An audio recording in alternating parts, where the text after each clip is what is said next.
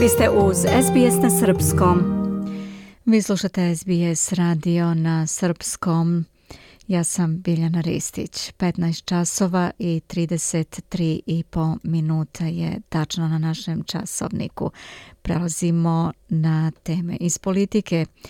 Prvi put u posljednjih osam godina nivo pretnje od terorizma za Australiju je smanjen sa verovatne na moguću. Dok vlasti upozoravaju da ovo ne isključuje smrtonosni napad na domaćem tlu, najnoviji obaveštajni podaci ukazuju da moć nekih ekstremističkih ideologija omekšava, a priroda terorističke pretnje se menja.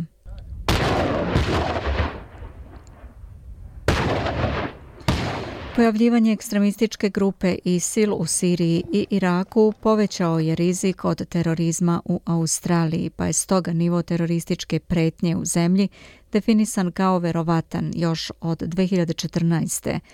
Međutim, posle osam godina pejzaž se polako menja.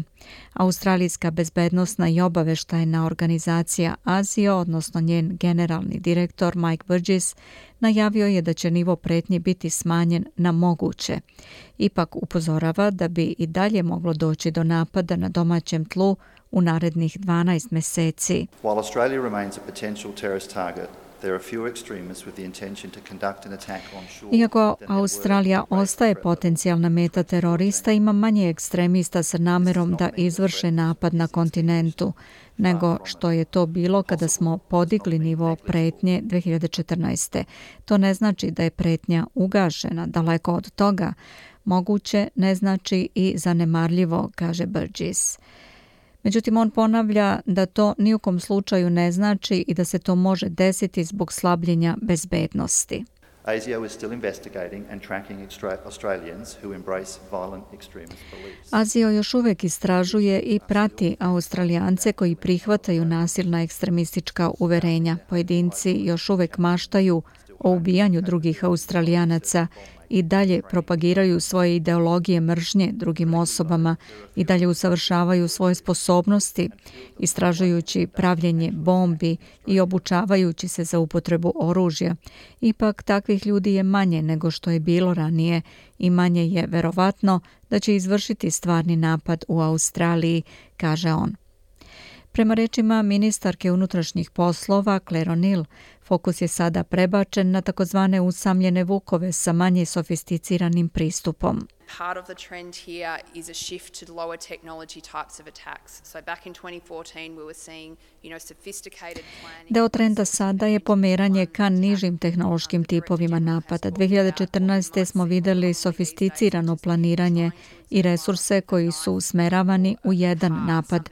Generalni direktor je govorio o tome šta bismo mogli da vidimo češće ovih dana, a to je da ljudi mogu da pokušaju da izvrše nasilje nožem ili automobilom, nešto što možete videti u svom svakodnevnom životu. Obaveštajci također prate nacionalistički i rasistički nasilni ekstremizam, a ministarka O'Neill kaže da je profil ovih prestupnika sve mlađi po godinama. We are seeing children 15, 14 years old who are radicalizing um, through a range of... Viđamo decu od 15, 14 godina koja se radikalizuju kroz niz različitih sredstava i u najmanju ruku to ukazuje na ideje o nasilju. Očigledno velika briga za nas kao zemlju, kaže ona. Iako potencijalni teroristički napadi ostaju na radaru Azija, generalni direktor Burgess kaže da je organizacija prepoznala novu, najveću pretnju bezbednosti.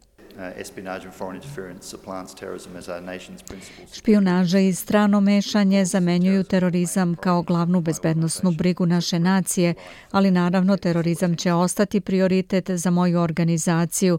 To je pretnja po život i stoga će dobiti punu pažnju. U snižavanju nivoa pretnje vlasti su uzeli u obzir nedavnu repatriaciju australijskih žena i dece iz sirijskog kampa. Oni su tamo putovali zajedno sa borcima Isila i prošli su temeljnu istragu u Siriji pre nego što im je dozvoljeno da se vrate kući. Premijer Anthony Albanizi kaže da u potpunosti podržava odluku Azija. Imam apsolutno poverenje u naše bezbednostne agencije, neću ih preispitivati i neću komentarisati u njihovo ime, kaže Albanizi. Od podizanja nivoa pretnje na verovatan 2014.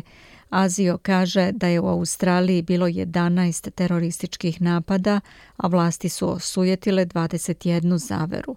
Iako ove godine nije bilo značajnih napada, generalni direktor Burgess upozorava da terorizam ostaje evoluirajući i trajna pretnja. The proliferation of extremist content online mean individuals are radicalizing very quickly. Proliferacija ekstremističkog sadržaja na internet mreži znači da se pojedini radikalizuju veoma brzo. Meri se danima i nedeljama, tako da je vreme od bljeska do praska kraće nego ikad, kaže Burgess.